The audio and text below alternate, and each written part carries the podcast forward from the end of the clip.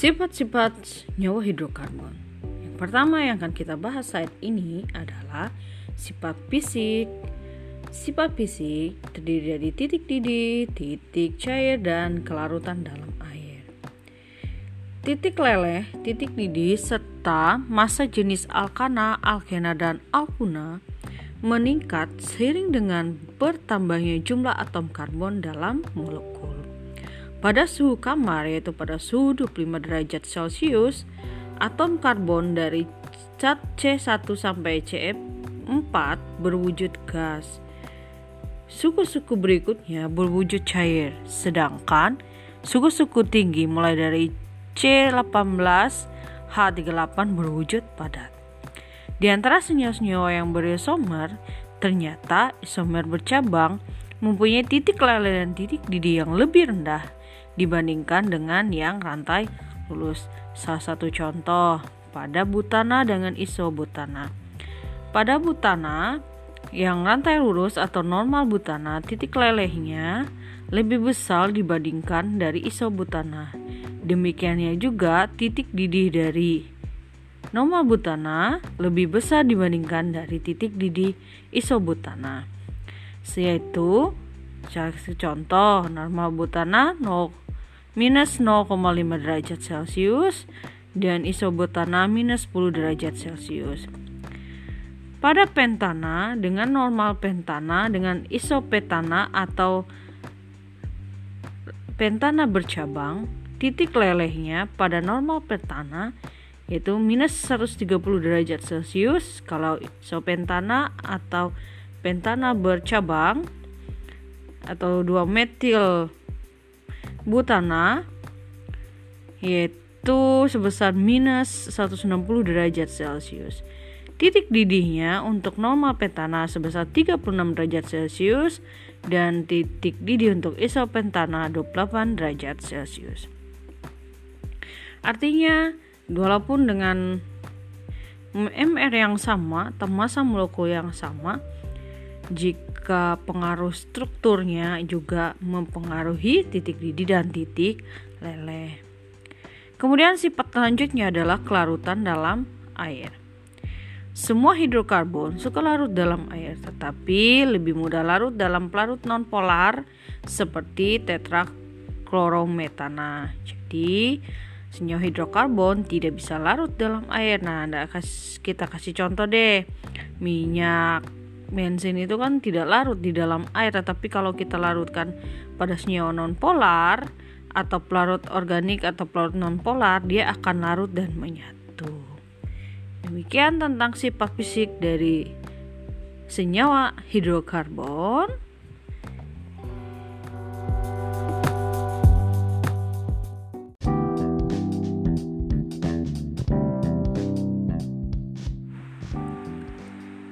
Halo, kita akan membahas tentang sifat kimia dari senyawa hidrokarbon. Kali ini yang akan kita bahas adalah tentang reaksi-reaksi kimianya pada senyawa hidrokarbon. Nah, reaksi yang terjadi adalah reaksi pembakaran.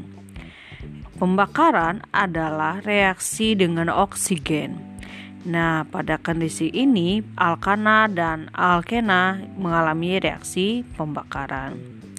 Kemudian reaksi pada alkana, alkena dan alkuna ini untuk senyawa hidrokarbon jelas berbeda karena karakteristik masing-masing juga berbeda. Pada senyawa alkana mengalami reaksi substitusi atau reaksi penggantian. Atom H dari alkana dapat digantikan oleh atom lain, khususnya halogen.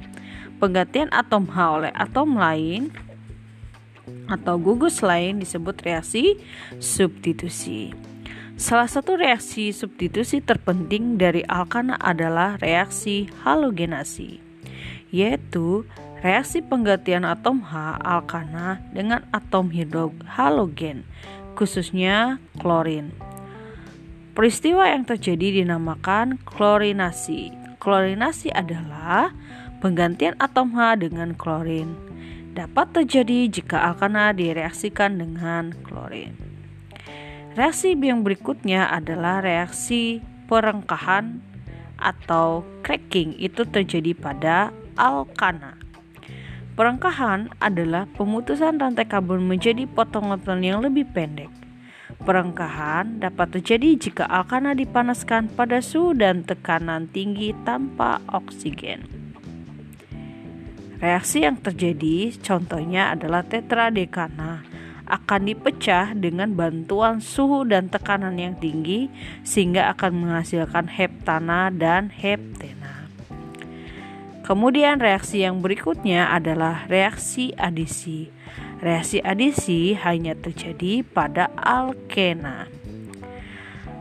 Pada alkena, reaksi yang adisi adalah reaksi penjenuhan ikatan rangkap atau terjadi pemutusan ikatan rangkap.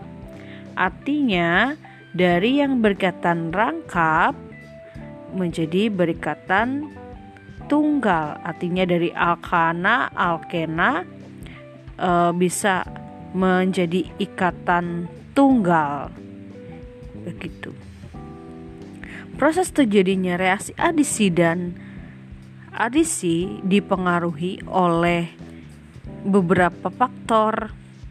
Cocoknya misalkan adisi pada asam halida berlaku aturan Markovnikov yaitu jika alkana alkena yang diadisi tidak simetris atom H akan diadisi ke atom C ikatan rangka yang mengikat lebih banyak atom H.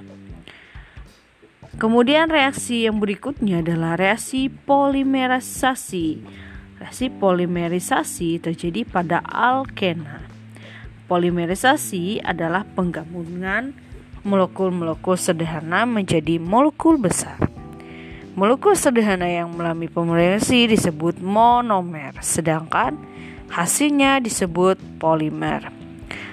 Pada reaksi polimerisasi, molekul alkena saling menjenuhkan atau terjadi reaksi dari ikatan rangkap menjadi ikatan tunggal dan menjadi bentuk atau molekul yang lebih besar.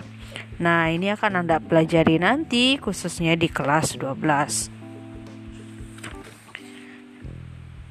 Reaksi yang berikutnya adalah reaksi eliminasi. Reaksi eliminasi adalah reaksi yang menghilangkan satu atom H.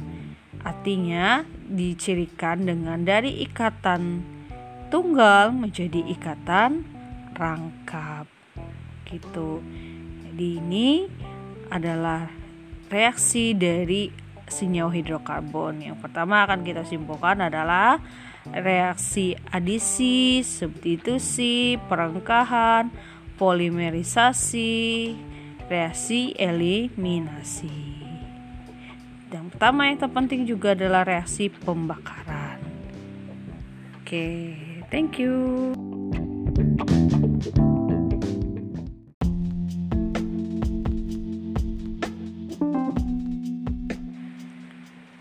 Halo, kita akan membahas tentang termokimia. Nah, di dalam termokimia banyak sekali sub-sub bahasan yang akan kita bahas. Pertama tentang sistem dan lingkungan, reaksi eksoterm dan endoterm, kemudian perhitungan kalor menggunakan kalorimeter, kemudian perhitungan kalor dengan menggunakan uh, deltahan 0F dan energi ikatan rata-rata dan yang lain. Nah, sebelum kita mempelajari tentang itu, kita akan mengenal beberapa hal yang berkaitan dengan reaksi eksoterm dan reaksi endoterm pada termokimia. Pernahkah Anda membakar kertas atau koran? Adakah perbedaan pada kertas sebelum dan sesudah dibakar? Mengapa kita merasa panas jika berada di sekitar kertas yang terbakar atau misalkan kita bakar uh, daun kering atau daun yang jatuh baik itu dia nggak kering apa pun juga rumput yang sudah kering. Nah, kita perhatikan terdapat perbedaan wujud antara kertas sebelum dan sesudah dibakar. Peristiwa pembakaran kertas, daun kering, kemudian rumput kering tadi akan menghasilkan gas karbon dioksida. Nah, dalam kehidupan sehari-hari juga kita akrab dengan menggunakan gas LPG yang merupakan campuran gas propana dan butana sebagai bahan bakar dalam menyalakan kompor gas. Seperti pembakaran kertas, pembakaran daun kering, dan pembakaran rumput kering tadi. Nah, terjadi panas. Nah, mengapa kita merasa panas di dekat kompor? Reaksi kimia Misalnya reaksi pembakaran berlangsung dengan menyerap atau membebaskan kalor. Reaksi yang membebaskan kalor disebut sebagai reaksi eksoterm, sedangkan reaksi yang menyerap kalor disebut reaksi endoterm. Contoh reaksi eksoterm dalam kehidupan sehari-hari yaitu tadi kasusnya pembakaran gas LPG dalam kompor, membakar kertas, pembakaran daun kering, dan yang lain-lain. Sedangkan contoh reaksi endoterm adalah nah pada proses pemasakan beras yang kemudian dijadi nasi. Nah, itu mantap itu kita gunakan, kita perhatikan dan kita alami dalam kehidupan sehari-hari. Nah, reaksi eksoterm umumnya berlangsung lebih dramatis daripada reaksi endoterm.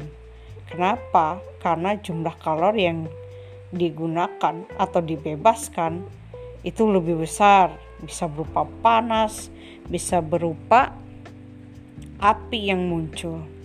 Nah, di sini terkait dengan itu, apa sih yang dimaksud dengan termokimia? Termokimia adalah cabang ilmu dari kimia yang mempelajari tentang kalor reaksi. Kalor itu ya panas tadi Nah, pada pokok bahasan ini kita akan membahas tentang jumlah kalori yang dapat dihasilkan oleh suatu reaksi kimia dan cara pengukurannya. Nah, mari kita simak penjelasan berikutnya.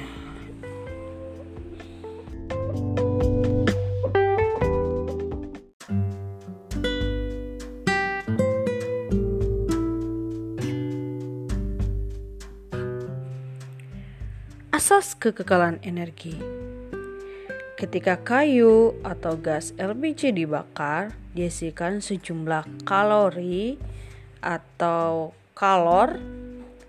Kalor yang dihasilkan kayu atau gas LPG yang terbakar mengakibatkan keadaan sekitarnya menjadi panas. Namun, ketika api sudah padam, keadaan akan menjadi normal kembali. Ke manakah kalori yang dihasilkan dari proses pembakaran kayu atau gas LPG itu tadi? Apakah kalori tersebut hilang? Asas kekalahan energi menyatakan bahwa energi tidak dapat diciptakan atau dimusnahkan, tetapi dapat diubah dari satu bentuk ke bentuk yang lain. Jadi, kalori yang dihasilkan pada pembakaran kayu atau gas LPG tadi bukannya hilang, tetapi diserap oleh molekul-molekul udara atau benda-benda lain di sekitarnya dan diubah menjadi bentuk energi lain, misalnya menjadi energi kinetik. Demikian halnya dengan sumber kalori yang dihasilkan ketika kayu atau gas LPG terbakar bukanlah sesuatu yang tercipta melainkan hanya perubahan bentuk energi. Kayu dan gas LPG menyimpan sejumlah energi yang disebut energi kimia. Ketika bahan-bahan tersebut terbakar, sebagian energi kimia yang tersimpan di dalamnya berubah menjadi kalor. Asas kekalahan energi disebut juga hukum pertama termodinamika. Untuk memahami secara lebih baik, kita akan belajar konsep tentang sistem dan lingkungan. Dalam termokimia, kita sering berhadapan dengan reaksi kimia, khususnya tentang energi yang menyertai reaksi tersebut. Reaksi atau proses yang sedang terjadi dan menjadi pusat perhatian kita disebut sistem. Sedangkan segala sesuatu yang berada di sekitar sistem, yaitu dengan apa sistem tersebut berinteraksi, disebut lingkungan. Contohnya, pada reaksi logam magnesium dengan larutan asam klorida di dalam gelas kimia. Dalam hal ini, magnesium dan asam klorida merupakan sistem, sedangkan gelas dan udara sekitar merupakan lingkungan. Pembebasan kalor ditunjukkan oleh kenaikan suhu, yaitu dengan pengukuran menggunakan termometer. Nah, kenaikan suhu di sini termasuk reaksi eksoterm. Contoh yang berikutnya adalah ketika kita mereaksikan cuka dapur dengan soda kue. Cuka dapur mengandung asam asetat dan soda kue mengandung natrium bikarbonat. Kita reaksikan di dalam gelas kimia, maka yang menjadi sistem itu adalah cuka dapur dan natrium bikarbonat. Sedangkan sistemnya, eh lingkungannya adalah gelas kimia dan udara di sekitar. Interaksi antara sistem dan lingkungan dapat berupa pertukaran materi dan atau pertukaran energi. Berkaitan dengan hal tersebut, sistem dibedakan menjadi sistem terbuka, sistem tertutup, dan sistem terisolasi. Sistem dikatakan terbuka jika antara sistem dan lingkungan dapat mengalami pertukaran materi dan energi putukan materi dan energi itu maksudnya ada hasil reaksi yang dapat meninggalkan sistem, misalkan wadah reaksi, misalkan gas atau ada sesuatu dari lingkungan yang dapat memasuki sistem. Selanjutnya, sistem dikatakan tertutup jika antara sistem dan lingkungan tidak dapat terjadi pertukaran materi, tetapi dapat terjadi pertukaran energi. Pada sistem terisolasi, tidak terjadi pertukaran materi maupun energi dengan lingkungannya. Sebagai contoh, misalkan kita memasak air di dalam panci terbuka, itu termasuk sistem terbuka. Itu ilustrasinya. Sama seperti kita mereaksikan tadi logam magnesium dengan asam klorida dalam gelas kimia itu termasuk sistem terbuka. Nah, Sistem tertutup contohnya misalnya kita memasak air dalam panci yang ditutup. Atau kita misalnya mereaksikan reaksi kimia uh, dalam Erlenmeyer kemudian kita tutup dengan balon asal balonnya nggak bolong nah itu termasuk sistem tertutup sedangkan kalau sistem terisolasi nah contohnya yang paling dapat kita perhatikan yang sering kita temukan adalah menyimpan air di dalam termos. Nah, air itu akan bertahan beberapa hari uh, dan tidak ada di situ pertukaran materi maupun energi dan dia terjaga kepanasannya. Tapi kan ada batas waktunya juga. Selanjutnya, transfer atau pertukaran energi dari sistem dan lingkungan dapat berupa kalor dan bentuk energi lainnya yang secara kolektif kita sebut sebagai kerja yang dilambangkan dengan W. Salah satu bentuk kerja sering menyertai reaksi kimia adalah kerja tekanan, volume, yaitu kerja yang berkaitan dengan pertambahan atau pengurangan volume sistem. Oke, kita bahas sudah tentang sistem dan lingkungan. Akan kita lanjutkan ke segmen berikutnya tentang tanda dan kalor dan kerja secara energi.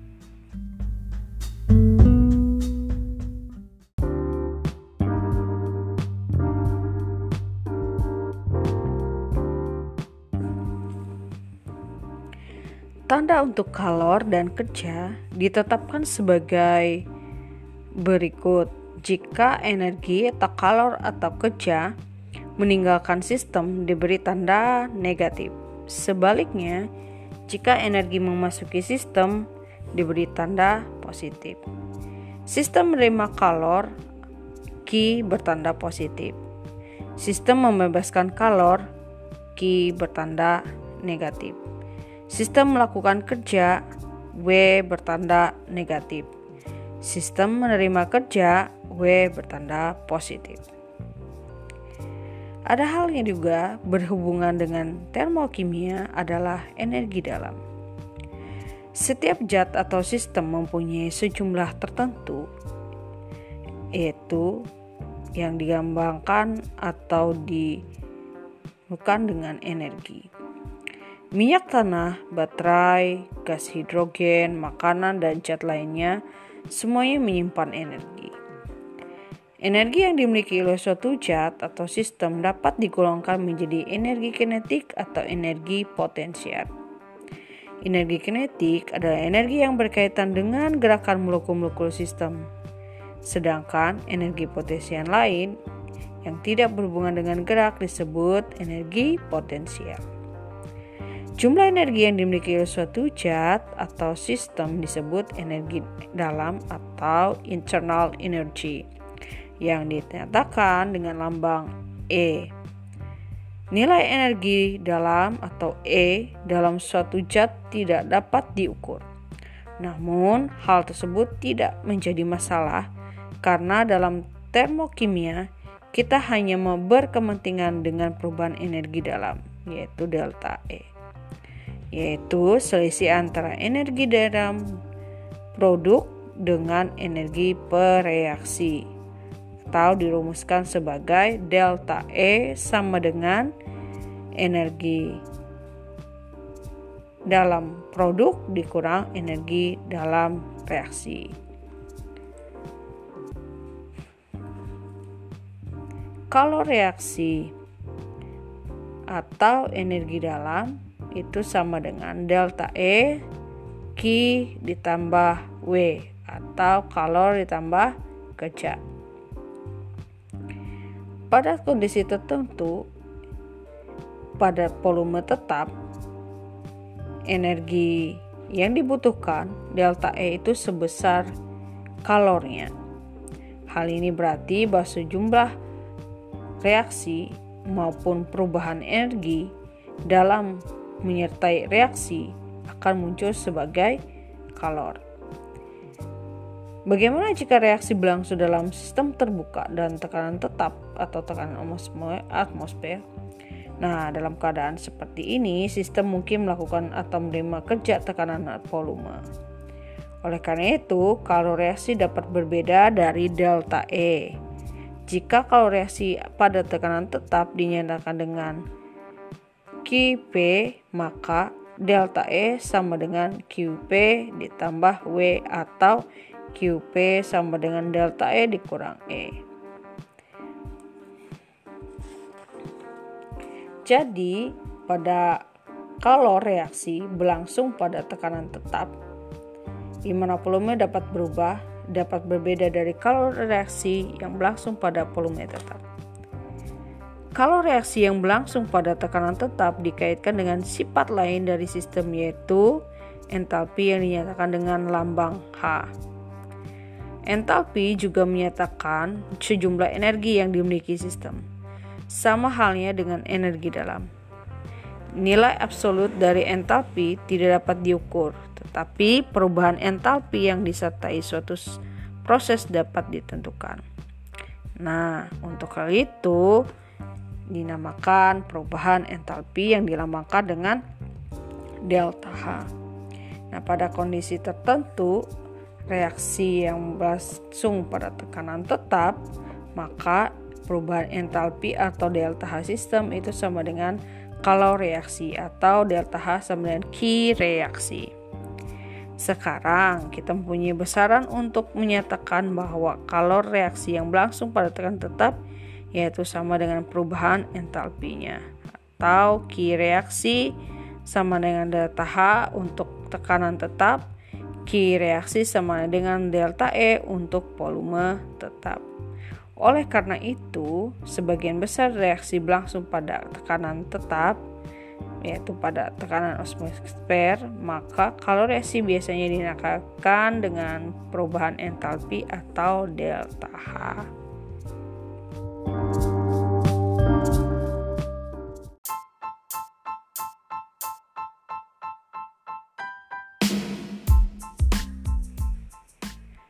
Reaksi eksoterm kita telah mendefinisikan bahwa reaksi eksoterm sebagai reaksi yang membebaskan kalor.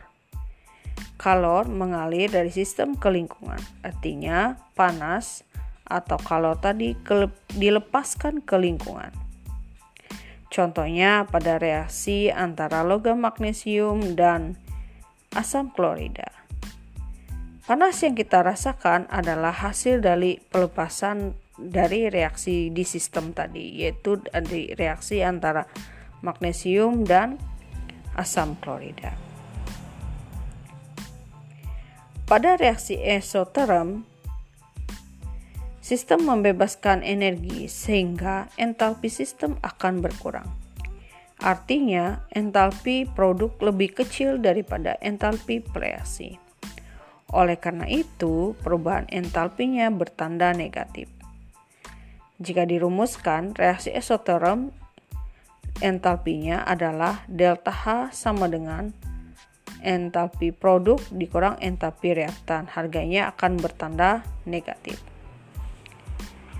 Perubahan entalpi reaksi esoterm jika ditandai dengan diagram reaksi, maka arah panahnya adalah ke dari atas ke bawah. Artinya terjadi penurunan atau pelepasan kalor sehingga harga entalpinya berharga negatif.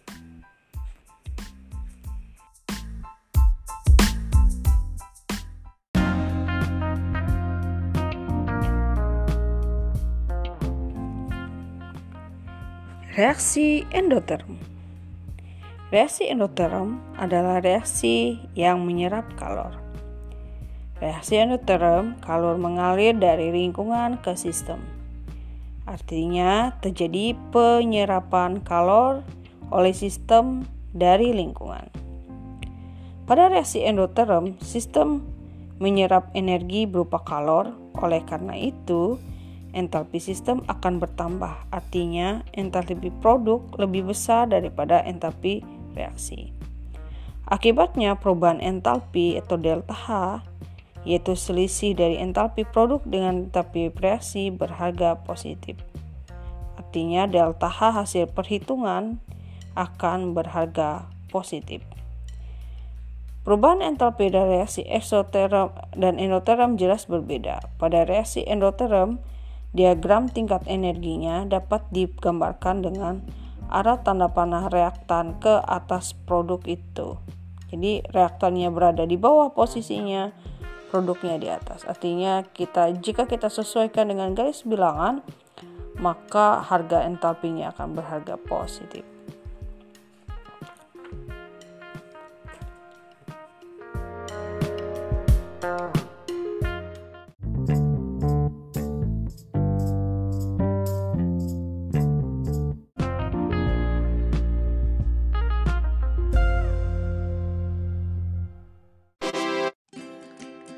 Kali ini kita akan belajar tentang konsep kesetimbangan dinamis.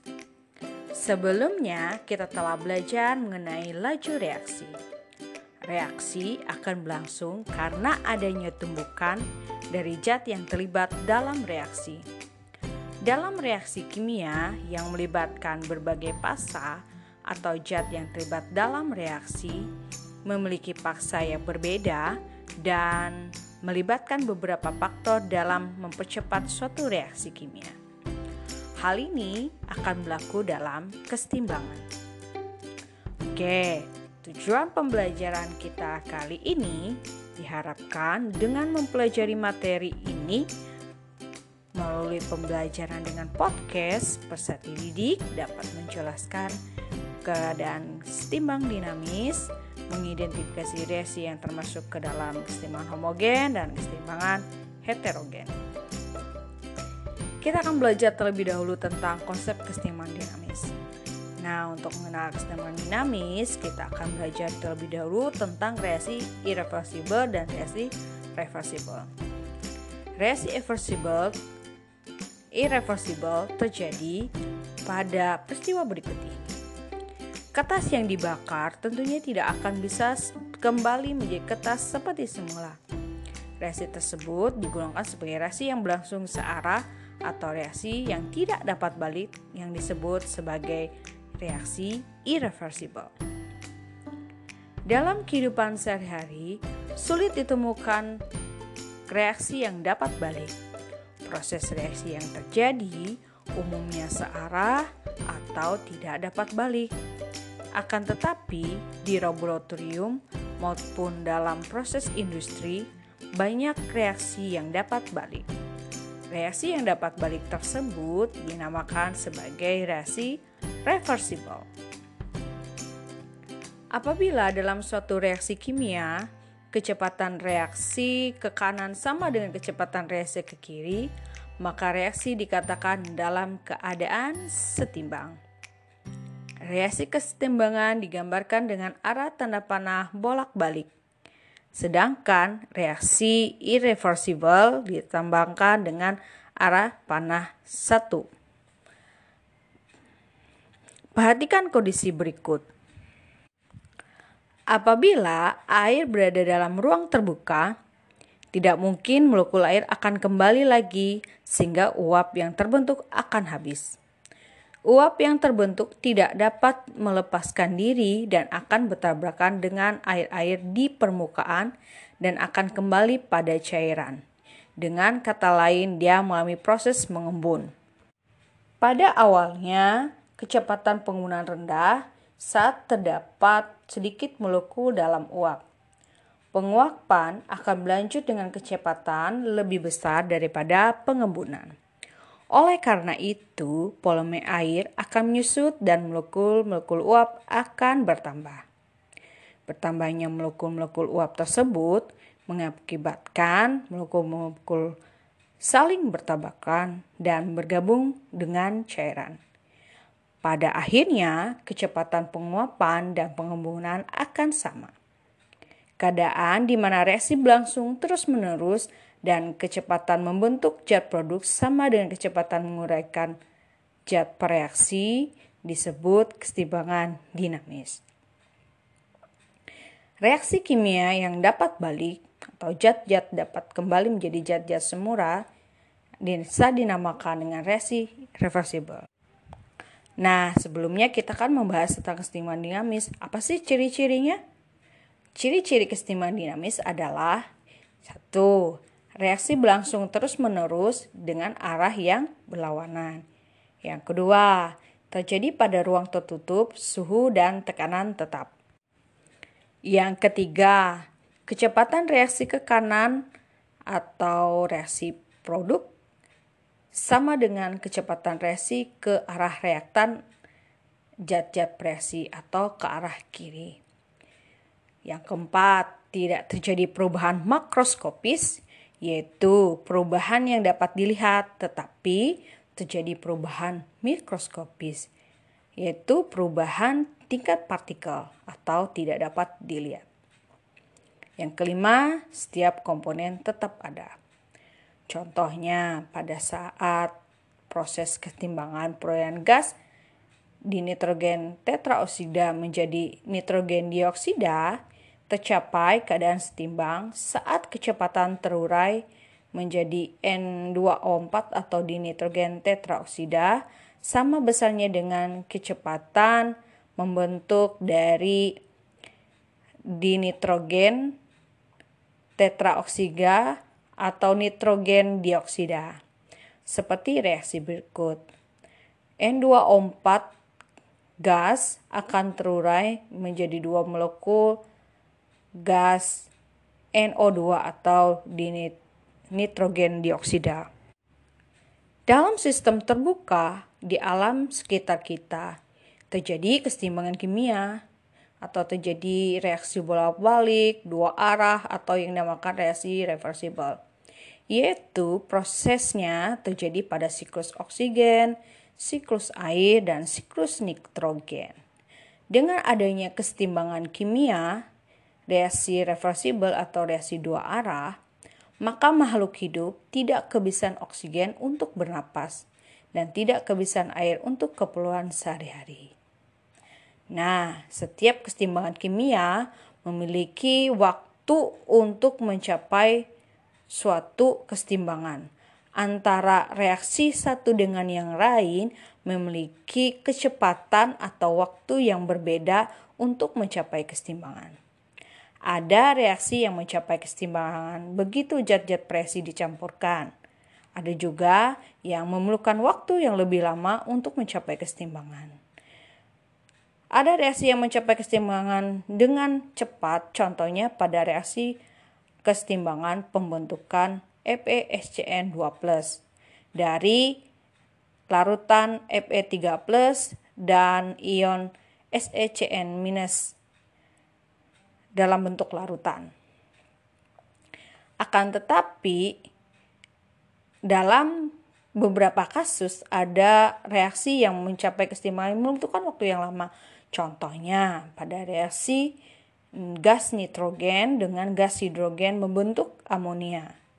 Nah, pada reaksi tersebut perlu waktu berhari-hari untuk mencapai kesetimbangan meskipun dilakukan pada suhu yang tinggi yaitu pada suhu 500 derajat Celcius. Kesetimbangan akan terjadi jika zat reaksi dan hasil reaksi memiliki kecepatan yang sama. Nah, pada kesempatan kali ini kita akan membahas tentang kesetimbangan homogen dan kesetimbangan heterogen. Kesetimbangan homogen adalah kesetimbangan yang semua komponennya satu fase. Artinya, semua fase yang terlibat dalam reaksi itu sama. Contohnya, pada reaksi kesetimbangan pembentukan gas amonia dari gas nitrogen dan gas hidrogen. Nah, kalau kita dilihat di dalam persamaan reaksi kimia, pasa yang ditulis dalam tanda kurung itu pasanya sama, ketiga-tiganya berwujud gas. Sedangkan kesetimbangan heterogen adalah kesetimbangan yang terjadi atas dua atau lebih fase yang berbeda. Misalnya pada reaksi kesetimbangan kalsium karbonat yang berbentuk padatan akan membentuk lagi kalsium oksida yang bentuk padatan dan gas hi gas karbon dioksida. Nah, untuk mengetahui kesetimbangan heterogen dan homogen, anak-anak harus melihat pasanya yang ada dituliskan di dalam tanda kurung. Pasti diingat ya kelas 10 semester 2 tentang uh, stoichiometry, tentang persamaan reaksi. Kalau S itu untuk padatan, kalau G untuk gas, kalau R, Q itu untuk larutan, kalau L untuk liquid.